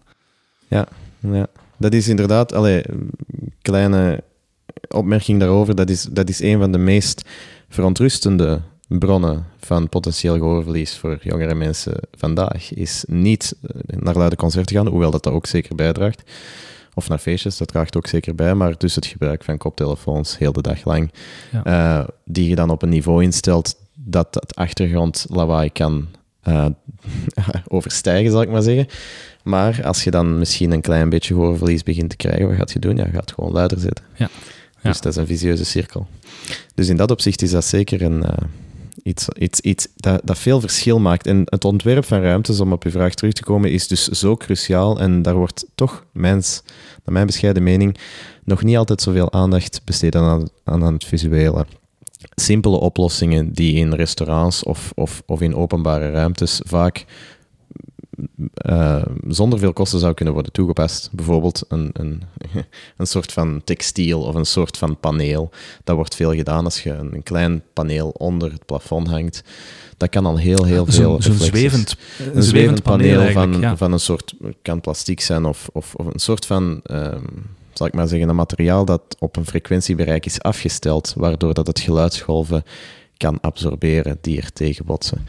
En Ah, Ja. dus oké, dat mag dan ook niet in het was zijn. Dat moet dan... Nee, nee, dat moet, dat moet ontworpen zijn. Daarover. Nu, maar je kunt al veel doen met bijvoorbeeld gordijnen. Gordijnen zijn een zo'n type voorbeeld, want gordijnen hebben, kunnen heel veel frequenties Wel, absorberen. in, op de podcastkamer heb ik dus... Want eh, de, de, ik, ik, ik heb alle opties onderzocht om het ten eerste... ehm, Bijvoorbeeld geen, geen schuim tegen de muur hangen, want dan is uw muur, als je dat er achteraf moet afhalen, is uw muur om zeep. Ehm, ik, ik, ik heb akoestische panelen proberen te zoeken, maar die zijn ontzettend duur. Ja, waarschijnlijk ook omdat die met andere standaarden werken, omdat die zo heel eh, technisch zijn. Ik dacht voor mij, uh, geluids, uh, geluidsefficiënt en kostefficiënt, waren het gewoon um, verhuis, verhuisdekens. Die Mhm. kosten niks, die zijn heel volumineus. En ik heb gewoon eigenlijk mijn hele kamer met zijn gordijn uh, roede volgangen met uh, verhuisdekens.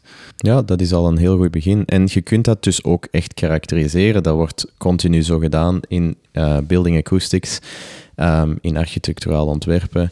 Is dus eigenlijk om je ruimte te karakteriseren. En er zijn heel veel uh, room acoustics, dus ruimteakoestische parameters, gelijk de reverberatietijd, dat eigenlijk gewoon een waarde is die aangeeft hoe snel een impuls of een geluid in uw ruimte verzwakt. Dat heeft, dat heeft, eigenlijk kun je dat een beetje de echo-achtigheid van een ruimte ook wel noemen. Bijvoorbeeld een anechoïsche kamer, een ideale omgeving, heeft een reverberatietijd van bijna nul, omdat, die bijna, omdat een geluid dat in die kamer gegenereerd wordt, bijna onmiddellijk uitsterft, omdat dat nooit via de wanden gereflecteerd wordt. En daartegenover een rever reverberatiekamer die heeft een hele hoge um, reverberatietijd. Dat is uiteindelijk de bedoeling. Van misschien wel 10 seconden of zo.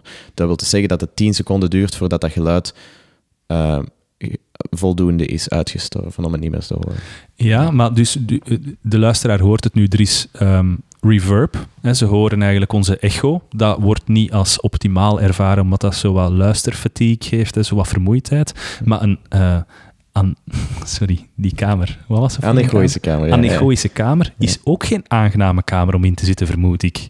Ah, wel nee, dus de, de, die extremen zijn te artificieel. De reden waarom dat een anechoïsche kamer toch nut heeft, is voor te testen van andere dingen. Eigenlijk als je gewoon bijvoorbeeld uh, directionaliteit van een luidspreker bijvoorbeeld ja. wil testen, dan okay. wil je maar één golf hebben die je kunt meten en niet twintig, omwille van de reflecties. Maar het is ook waar, om een aangenaam geluid, zeg maar, een menselijk aangenaam geluid, heb je liefst wel een klein beetje uh, warmte, een klein beetje reverb, een klein beetje reverberatie in je ruimte. Meestal in studio's zitten die waarden zo rond een halve seconde voor die specifieke waarden. Ja. Je kunt die dus meten in je studio, uh, als je dat zou willen. Uh, daar zijn bepaalde methodes voor. Ja. ja. Dat is heel waardevol. En er zijn ook nog andere uh, waardes die ook zeker iets kunnen, kunnen daarover zeggen. En, en dat is dus heel specifiek voor opnamestudio's of ook bijvoorbeeld voor um, uh, klaslokalen bijvoorbeeld, waar dat de, de leraar duidelijk moet worden verstaan. Beoogt je liever een lagere reverb, een ja. lagere reverberatietijd, terwijl in een theaterzaal, in een concertzaal, wilt je iets, een hogere reverberatie, omdat de muziek dan de ruimte moet kunnen vullen. Um, ah, oké. Okay. Um, ik dacht altijd dat dat het tegenover... Ik wou je eigenlijk de vraag stellen, als je dan toch in zo'n uh, zit en je wilt daar met akoestische waarden gaan werken, hoe zorg je ervoor dat dat ook esthetisch is? Want uh, akoestische panelen zijn niet mooi. Uh, allee, vaak toch niet echt. Hoe, hoe zorg je ervoor dat dat er esthetisch blijft uitzien? Is daar een hele industrie mee bezig? Ja, absoluut. Ja, ja. En in Denemarken bijvoorbeeld, zijn, waar dat ze nogal gefocust zijn op design, is dat ook al wel um, een beetje meer courant dat er, dat er aandacht wordt besteed aan niet enkel het uh, visuele, maar ook het auditieve. Er is bijvoorbeeld een hele coole concertzaal in, in Central Copenhagen, waar dat je dus beweegbare houten panelen hebt, die er voor de rest ook heel goed uitzien, waardoor dat je dus de reverberatietijd kunt aanpassen dus van een bereik van een halve seconde naar 2,5 seconden. Dus Afhankelijk van de voorstelling. Inderdaad, dus als er iemand daar kon spreken, zetten ze dat op een halve seconde. Maar als er daar een, een, een symfonieorkest komt spelen, dan zetten ze dat op anderhalve seconde. Als er iets is dat nog meer echo nodig heeft. En dat is, dat is zeker mogelijk. Um, en het is ook... Het werd vroeger vaak gedaan dus met panelen inderdaad uh, te gaan vanuit het plafond uh, een beetje naar beneden te laten dalen en zo. Hier uh, in Antwerpen is er ook een, de zaal in de Singel, de blauwe zaal, die heeft uh, doorzichtige plastieke panelen boven het podium hangen, die ook ehm, het, eigenlijk de geluidshandtekening een beetje kunnen bepalen. Maar voor een concertzaal is het eigenlijk vooral belangrijk dat de uniformiteit van het geluid in de zaal wordt gegarandeerd. Dat wil ja. zeggen dat uh, iedereen die naar die voorstelling komt kijken ongeveer hetzelfde hoort. Hetzelfde zien is meer evident natuurlijk, maar hetzelfde horen helemaal niet.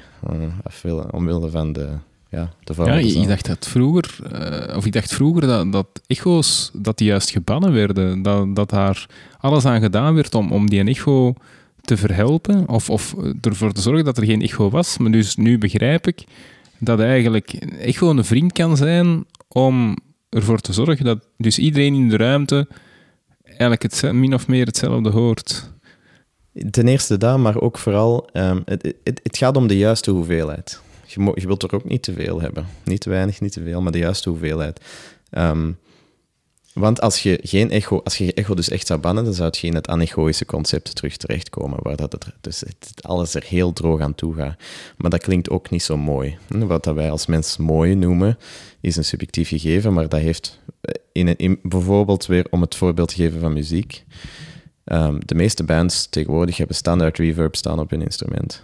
Wat dat eigenlijk een beetje vals spelen is, maar dat wil gewoon zeggen, die hebben standaard al een soort Om het groter te laten klinken. Ja, Ja. dus je, je plukt gewoon aan je snaar, maar dat klinkt alsof dat je in een concertzaal speelt. Ja.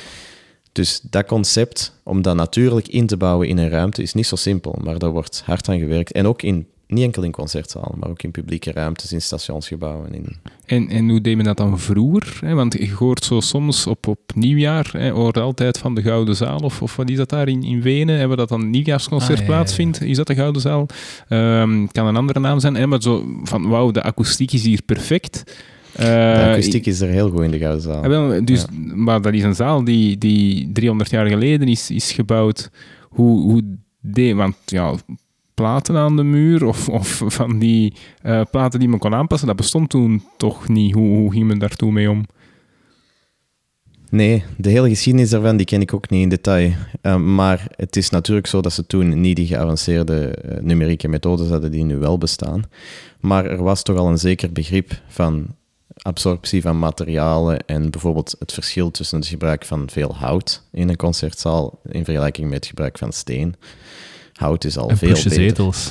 Plusje zetels, ja. inderdaad. En, en als je in de Gouden Zaal bent, je ziet er bijna heel die zaal is van hout. Ehm, of die is niet van hout, maar er zitten heel veel houten versieringen. En ehm, ook de vorm van de zaal is, is vrij hoog, maar toch. ehm, het is nog altijd eigenlijk een soort shoebox, een schoenendoos, Mhm. wat dat niet ideaal zou moeten zijn, maar het is heel lang. Dus het geluid moet ook ver reizen voordat er reflecties kunnen optreden. En dat, eh, dat heeft ook een positieve bijdrage, meestal aan het geluid. Maar in detail kan ik, kan ik daar niet op antwoorden. Ja, over die ehm ehm Leslie S'more, ehm, met, met die, die ene kameraad met zijn audioboek dat daar aan het praten was, die, die had ook zijn eigen studio, want die maakte ook muziek. En die zei, kijk, dit is het geluidprofiel van deze studio. En dat liet hij zien, inderdaad, bij de bassen was dat... Allee, dat was zo'n hele curve. En die zei van, je moet opletten dat je ook niet te veel... Een bass-trap, dat, dat, wordt, dat is dan bijvoorbeeld een stuk schuim waar dat echt de bastonen in komen. En dat zet je dan vaak in de hoek, zo'n driehoek dat je in de hoek zet om je hoek af te vormen. Maar hij zegt, als je er te veel zet, dan gaan er te veel van die basklanken weggaan in je kamer. En dan wordt die heel onaangenaam om naar te luisteren. Dus dat was mij eigenlijk een beetje aan het waarschuwen, vooral dat ik begon met alle, met alle gordijnen van... Probeer er nog op te letten dat het aangenaam klinkt in de kamer, want soms kan het zijn dat er bepaalde frequenties worden weggehaald, waardoor het ineens niet, niet meer leuk is om erin te zijn. Ah, wel ja, maar dat is ook opnieuw een heel subjectief gegeven Ja. van wat aan, eh, eh, vind je aangenaam. En ik denk dat dat ook, met- zeker met op, opnamestudios vaak zo is, wat dat je eigenlijk beoogt is een soort van vlak profiel. En dat klinkt een beetje saai misschien, maar dat is hetzelfde met je microfoonafstelling, met je eh, DSP, met je processing, met je Hij is nu naar het pakje aan het wijzen waarmee Ah, dat we ja. opnemen. met die, met die equalisatie van wat dat je eigenlijk idealiter zou willen, is dat alle frequenties eigenlijk evenwaardig worden, ehm, zal ik maar zeggen, weergegeven. Of toch, toch op zijn minst in je opnameapparatuur, zodanig dat je daar later een willekeurige equalisatie of een willekeurig profiel gewoon Ja. kunt opzetten. Ehm, maar als er al in je in uw eh, apparatuur eh, daar al een profiel in zit, zoals je had aangehaald over uw eerdere microfoons die je gebruikte, die heel veel bassboost hadden, en dat deze er beter zijn, dat wil waarschijnlijk zeggen dat deze een vlakker audioprofiel hebben. En dat is eigenlijk een, een teken van kwaliteit in microfoons en in andere apparatuur en in de behandeling van uw kamer ook. Want die vorige die klonken meteen heel radiostem. Hè? En, en dan denkt je van, oh, dat klinkt meteen supergoed. Maar zoals je zegt, het is, het is moeilijker om het vlak te maken. Ja. En, ja. en, en dus, oké, nu dat je erover begonnen bent, ga ik over doorvragen. Mijn, mijn allergrootste moeite bij, bij het uh, processen nadien van de podcast is altijd de equalizing. Ik weet nooit hoe dat die er echt moet uitzien. En ik heb er al heel veel problemen mee gehad, want ik beluister altijd met mijn uh, koptelefoon. Ik heb nu een Audio-Technica koptelefoon op. Maar ik weet dat mensen daar niet naar gaan luisteren, dat dat ook niet zo op die MP3 gaat staan waarschijnlijk. Mensen luisteren dat in de bus, mensen luisteren dat in de trein. Um, als het nu aan u zou liggen, en, en je weet, mensen beluisteren het vaak in het openbaar vervoer en vaak met oortjes. Wat denk jij dan dat er belangrijk is van frequenties waarop dat we moeten letten? Mhm. Niet te veel bas, niet te veel hoogtes, niet te veel... Wat denk je dat dat zou zijn? Ja, Ah, wel, dus dat is weer mijn eigen mening, denk ik. En er zijn trouwens ook in, in de televisie- en radiowereld standaarden voor, waar dat die echt worden gebruikt om die, daar een specifieke equalization op te zetten, die hopelijk voor zoveel mogelijk use cases... Voor een doelpubliek? Of... Ja, inderdaad. Dus bijvoorbeeld een, een, geluid dat gemixt wordt voor radio, wordt anders gemixt dan een geluid voor tv. Okay. omdat dat anders wordt uh, gereproduceerd en daar andere mensen het kan zelfs gaan over de leeftijdscategorie soms, als het over radio gaat. Maar inderdaad, als het van mij persoonlijk zou afhangen, ik denk, zo from the top of my head, ik zou het ten eerste niet te, uh, te veel reverberatie in, in, in, in het signaal zetten. Ik zou het vrij droog houden, uh, wat dat sowieso al het geval meestal is bij studioopname omdat mensen die al in een luide omgeving zijn, veel uh, interferentie ondervinden. En dus als er interferentie in signaal ook aanwezig is, dan gaat dat alleen maar negatief zijn voor de verstaanbaarheid ervan. En voor de rest, ja, het, uiteindelijk het spraakspectrum dat we ook al even hebben aangehaald tussen de 1000 en de, uh, en de 4000 hertz, um, grosso modo, dat is eigenlijk het frequentiebereik dat het belangrijkste is. Dus als die frequenties mooi geëqualiseerd zijn um, en, en prominent aanwezig zijn in je signaal, als je het moet comprimeren, dan kun je opnieuw gaan kijken naar het spectrogram, dus de weergave van de frequenties in je signaal, en zien of dat die frequenties er nog mooi uitkomen. De hogere frequenties zijn helemaal niet van belang, omdat... Oké. Okay. Uh, sorry, misschien wel voor, voor audiofielen, maar voor de meeste mensen nee, uh, niet zo. nu al goed. Uh, goede apparatuur of, of, of, of iets, zal ik maar zeggen, uh, over-the-counter apparatuur, die, die kunnen ja, die kunnen wel hoge frequenties weergeven, maar oké, dat kunnen de mensen ook meestal al niet meer horen. Boven de 15 kilohertz of zoiets. En de lage frequenties, die zijn dan wel, wel belangrijk, voor, zeker voor ook het gevoel van, denk ik dan, de, de emoties wat meer te ondersteunen. Ja. Um, dus het gaat eigenlijk vooral over de midrange en dan maybe de lows. Uh, misschien de lows een beetje onder controle houden. Je weet Hey. wat je moet doen, hè? Ja, ja, ja. ja, ja. Maar, maar je hebt er nu al verschillende geluisterd, podcast. Heb jij ooit het gevoel gehad dat het ehm, beter kon? Ik vond die van jullie altijd fantastisch. Nee, dat is niet waar. Er zat te veel bas in de vorige. Dat mogen we echt zeggen. Dat zal niet, dat niet Ja, ik zeg het, ik luister nooit, dus ik zou het niet kunnen zeggen. Wa- Wat ik nog fascinerend vind, om het eh, terug even uit dat technische te trekken. Ehm, en, en ik weet niet of dat je daarmee eh, ervaring hebt gehad in, in je onderzoek. Ik, ik heb ooit gehoord dat ehm, er, een, er eigenlijk een, een, ja, een soort van dove community is, in de zin van dat die eigenlijk best fier zijn op ehm, ja, Mhm. hun, hun cultuur. Hè, in de zin van, ja, wij hebben niet de beperking, het is de maatschappij die, die beperkt is. ehm, eh, en wij moeten ons niet gaan aanpassen, hè, ook met, met doventaal, et cetera. En die dus misschien zelfs afkerig staan tegenover eh, de mogelijkheid om, om via technische hulpmiddelen terug te kunnen, terug te kunnen horen of te kunnen horen. Eh, Heb je daar iets, iets van ehm, ja, ervaring gehad dat die, die wegen op uw onderzoek of, of dat je daar hebt mo- moeten rekening houden? Allee, of hoe, hoe staat het daar tegenover? Want ik, vind- allee, Ja. ik vind dat eigenlijk heel boeiend, omdat eh, hè, wij altijd denken van ja, we, we verbeteren iemand. Hè, in- Ja. In de zin van, allee, of we, we, we proberen de levenskwaliteit te bevorderen, eh, maar dat er dus mensen aangeven daar helemaal niet mee gediend, gediend te zijn. Nee, absoluut. Ik, ik, ik heb daar persoonlijk weinig ervaring mee, omdat eh, wederom ons, eh, ons onderzoek spitste zich vooral toe op mensen die doorheen hun leven gehoorverlies beginnen te ondervinden. Dus in uw voorbeeld gaat het vaak over mensen die al van bij de geboorte volledig doof zijn. En dus die hebben ook nooit geen baat bij akoestische hoorapparaten zoals wij ze onderzoeken. De enige mogelijkheid die momenteel, of, of de voornaamste mogelijkheid die, die daar technologisch momenteel voor bestaat, is een cochleair implantaat. En uh, ik, weet, ik heb inderdaad weet van, van uh, community van mensen die dat liever niet hebben, omdat het uiteindelijk nooit deel heeft uitgemaakt van hun wereld. Anderzijds is het ook wel zo dat de cochleaire implantaattechnologie iets eigenlijk heel baanbrekend is. Hoewel dat veel mensen er ook te veel van verwachten. Dat kan er ook wel een beetje mee te maken hebben, want een cochleaire implantaat heeft een afschuwelijke geluidskwaliteit. Nu gaat het wel eens moeten uitleggen wat dat juist is, want ik kan er echt niks bij inbeelden. Ah, wel, maar waar dat we het tot nu toe eigenlijk over gehad hebben met betrekking tot hoorapparaten, dat, gaan, dat ging over akoestische hoorapparaten. Dat wil zeggen, een apparaatje neemt een geluid op, die verwerkt dat, of dat verwerkt dat, en speelt het dan via een klein luidsprekertje terug af in uw oorkanaal. En de rest van de processing gebeurt nog altijd door uw eigen systeem. Maar sommige mensen hebben zo'n zo'n ernstig gehoorverlies. Ik zit er eigenlijk ook bijna op de grens mee, met mijn linkeroor.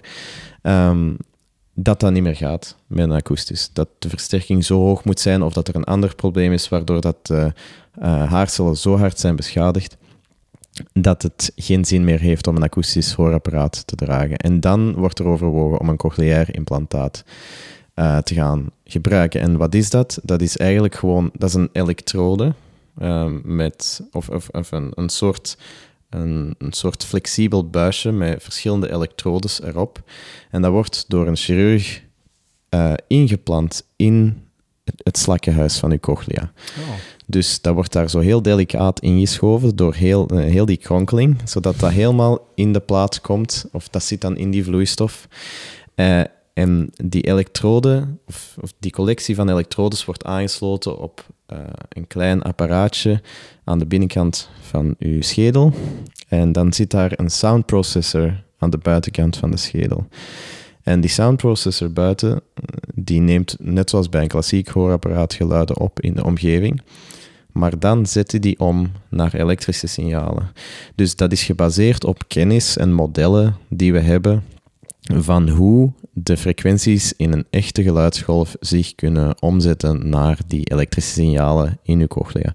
En die elektrode van het cochleair implantaat die geeft dan die kleine impulsjes op de, op de plekken waar dat die elektrode zit. Ja, die bypass dat hele akoestische systeem gewoon. Ja, inderdaad. En die gaat rechtstreeks de, um, de gehoorzenuw dan uh, prikkelen op die manier. Nu, dat is, dat is fantastisch, want dat werkt dus echt. En mensen kunnen op die manier terug geluiden horen. Maar het, het hele grote nadeel tot nog toe is dat dat natuurlijk helemaal niet dezelfde resolutie heeft ja. als uw eigen gehoor. Er zitten misschien op de meest geavanceerde elektrodes, ik ga waarschijnlijk het fout zeggen, maar er zitten iets van een 20 elektroden. Dat wil zeggen dat je 20 verschillende frequenties kunt horen. En vaak nog op een manier die helemaal niet nauwkeurig is. Dus één elektrode kan een heel gebied stimuleren in plaats van maar één haarcelletje. Ja. Dus dat klinkt echt heel robotachtig. Dat is ja, terwijl je eigenlijk met, met honderdduizenden haartjes zat, zit je mm. nu maar met twintig ja, ja. inputs. Het is nog altijd beter dan nul. En hoe zou het klinken? hoe zou het klinken voor u? Denk je, hoe hoe denk jij dat het zou klinken voor iemand? Dat is een, een, een heel moeilijke vraag. Uh, ze hebben dat trouwens, in, denk ik, in de film Sound of Metal um, wel redelijk goed tot... Uh, dat is een film die, denk ik, nog de Oscar voor Sound Design ooit, ooit gewonnen heeft over een muzikant die, die bijna doof wordt en die cochleaire implantaten ook uh, gaat dragen. Maar um, daar is veel debat over, want natuurlijk is het zo dat wanneer iemand cochleaire implantaten krijgt, de enige manier waarop je kunt weten hoe dat klinkt, is door het aan hen te vragen. Je kunt dat niet op een of andere manier meten. Er zijn wel studies geweest met bijvoorbeeld unilateraal dove mensen. Um, ah, wel, ik wou het juist zeggen, jij bent eigenlijk ja, ja. het perfecte proef kon voilà. voor deze techniek. Ja, ja en, dat zou zeker kunnen, want dan kun je, en zeker als je dan ook nog kennis van zaken hebt, kun je dan beginnen vergelijken van wat is er nu echt belangrijk uh, met betrekking tot wat ik hoor en wat niet. Um, maar dan komt daar de andere, het andere aspect dus bij kijken. Enerzijds dat dat helemaal geen goede geluidskwaliteit heeft. En anderzijds dat je daar al het gehoor wat je nog over hebt mee kapot doen. Want uh, wanneer dat je die elektrode inbrengt, dan vernietigt dat eigenlijk al de rest van het gehoor dat er nog aanwezig is. Oh. Dus dat is een onomkeerbare operatie. Eens dat je een cochleair implantaat hebt, kun je nooit meer teruggaan. Dus ehm, dat zijn allemaal afwegingen die je natuurlijk wel moet maken. En, en kan Ja. dat cochleair, cochleair eh, wat is cochleair? Implantaat. ja. implantaat, ja, eh, verfijnd worden dan nadien. Hè, want nu zitten we met 20 eh, elektronen. Kunnen dat dan veranderen naar, naar 100 of, of whatever? Of zitten echt onomkeerbaar met die 20? Nee, nee, nee. Ze zijn begonnen met één of twee, denk ik, eh, in de jaren 60. Dat is ontwikkeld denk, eh, nog niet zo heel lang geleden door een Australische onderzoeker. Maar ehm, Dus men, men kan dat er gewoon uithalen en een beter insteken terug. Dat wel, ja, dat kan wel. dat is mogelijk. Eh, En er is ook heel veel onderzoek naar. Een andere collega, ex-collega van mij, die deed specifiek onderzoek het is een naar... kleine wereld, eh, trouwens. Het zijn allemaal collega's. Ja, maar nee. Dat was altijd wel... eh, had de mensen die zich focusten op cochleaire onderzoek en dan mensen op het akoestische onderzoek. Dat is een klein beetje een verschil tussen. Maar nee, dat is zeker... De technologie gaat altijd vooruit. eh, maar het is een beetje een kwestie van hoe lang wacht je als je geen gehoor hebt, tot als je een betere geluidskwaliteit wilt, versus als je, als je voor de rest niks kunt horen. Dan is een beetje al meer, allee, of spectaculair veel beter dan niets. Maar ik kan me inbeelden, in uw geval, als je dan langs de ene kant hè, met die 20 frequenties zou moeten gaan werken en langs de andere kant werkt dan alles optimaal, dat je daar zot van wordt, nee? Omdat dan zo'n groot verschil op zit. Dat is ook iets dat je helemaal niet kunt voorspellen en dat inderdaad een, een, een, op een heel onvoorspelbare manier zich kan manifesteren. De integratie tussen die twee modaliteiten, Ja. de elektrische modaliteit en de akoestische modaliteit aan de andere kant. Eh, sommige mensen die een unilateraal cochleair implantaat hebben en normaal horend zijn aan de andere kant, die ervaren dat als aanvaardbaar, zal ik maar zeggen. Nooit goed, maar altijd eh, soms aanvaardbaar. En andere mensen niet. Maar het is inderdaad, die technologie is, is, is super interessant, maar daar kan nog veel aan verbeteren. Absoluut. En, en hoe snel zet, zet men daar stappen? Hoe, hoe snel is men van twee elektronen naar, of elektroden naar, naar 20 gegaan? Allee, is in de zin van, is dat voor u denkbaar dat je binnen tien jaar wel overstapt, omdat het dan zoveel verbeterd is? Eh, dat, daar moet ik voorzichtig mee zijn, want daar weet ik niet zo enorm veel over. Ik denk dat dat sneller kan gaan naar de toekomst toe. Ehm, de toekomst valt altijd moeilijk te voorspellen. Mhm, Voor ja. mij is het zeker, denk ik, niet meer aan de orde. Ook al omdat mijn gehoor eigenlijk nog heel goed is aan de andere kant. Mhm. En omdat ik, Ja. ja, maar Ah, je wel, maar ik, ik- ja, ik, wou er, ik wou er nog eens eventjes op voortgaan, want ehm, ik snap uw punt wat dat je nu zegt. Mijn gehoor is nog goed langs de ene kant, langs de andere kant is het nog een beetje. Het zou spijtig zijn om het daardoor allemaal op het spel te zetten. Maar langs de andere kant ben u ook wel een van de experts in uw vakgebied. En ehm, experts in uw vakgebied kennende beginnen die op den duur anders te denken over die problematiek. Dus zou- ziet je het... het- eh, worstelt je er zelf nog, puur, puur persoonlijk, hè? Worstelt, worstelt je zelf nog met de vraag van zou ik het ooit eens niet doen, puur voor de wetenschap? Take dan one, for the team. Ja, ja. En dan, dan, zet ik het, dan zet ik het wel uit dat ik die, dat probleem van die interferentie niet heb, maar dat ik het toch aanzet voor, voor... Ik zeg niet dat je dat moet doen, maar ik vraag aan u, speelt je daar soms mee met die tweestrijd? Ehm, een beetje. Ik denk dat niet echt hoor. Want zelfs al zou je dat overwegen, om het voor de wetenschap, zal ik maar zeggen, te doen. ehm, ik heb niet de ambitie dat ik daar een verschil echt kan in maken. Het gaat nog altijd over individuele verschillen. De, alleen al de manier waarop dat die elektrode wordt ingeplant, Ja. die kan helemaal verschillen van persoon tot persoon, afhankelijk van de procedure, van de anatomie van uw cochlea, van kleine verschillen in de procedure, zelfs van, ik weet niet, eh, van, van de verschillende chirurgen die daar aan die operatie hebben meegewerkt, aan het merk van de, van Ja. de cochlea-implantaat. Dus al die, al die details, die zorgen ervoor dat je heel moeilijk, denk ik, mensen hun ene ervaring kunt vergelijken met die van iemand anders. Ook al heb je een heel accurate beschrijving van één persoon zijn ervaring, dan gaat die nog altijd niet per se extrapoleerbaar zijn naar een, een grote groep. En allee, misschien wel, maar dat, dat is dus helemaal niet geweten. Ja. Eh, dus in dat opzicht, eh, En misschien is, het, misschien is het ook niet de bedoeling om daarmee een perfect gehoor te benaderen. Is het voor veel mensen gewoon... eh, Kan het, kan het dat ook niet doen?